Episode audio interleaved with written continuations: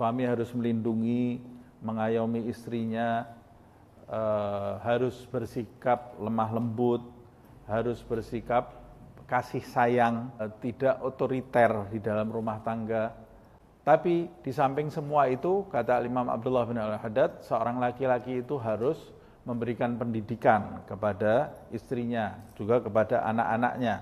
Harus memperhatikan kehidupan istrinya dalam arti dengan siapa dia keluar, ke mana dia keluar, begitu juga anak-anaknya.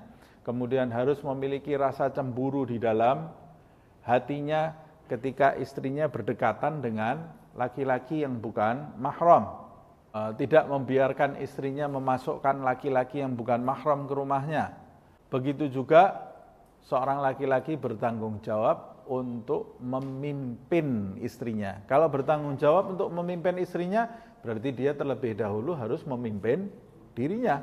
Bagaimana dia mau memimpin istrinya kalau dirinya sendiri dia tidak bisa memimpin?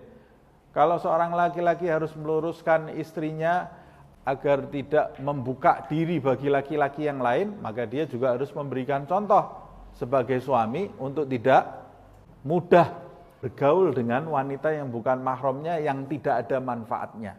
Seperti itu yang disabdakan oleh Rasulullah SAW, wa'ifu ta'ifu nisa'ukum.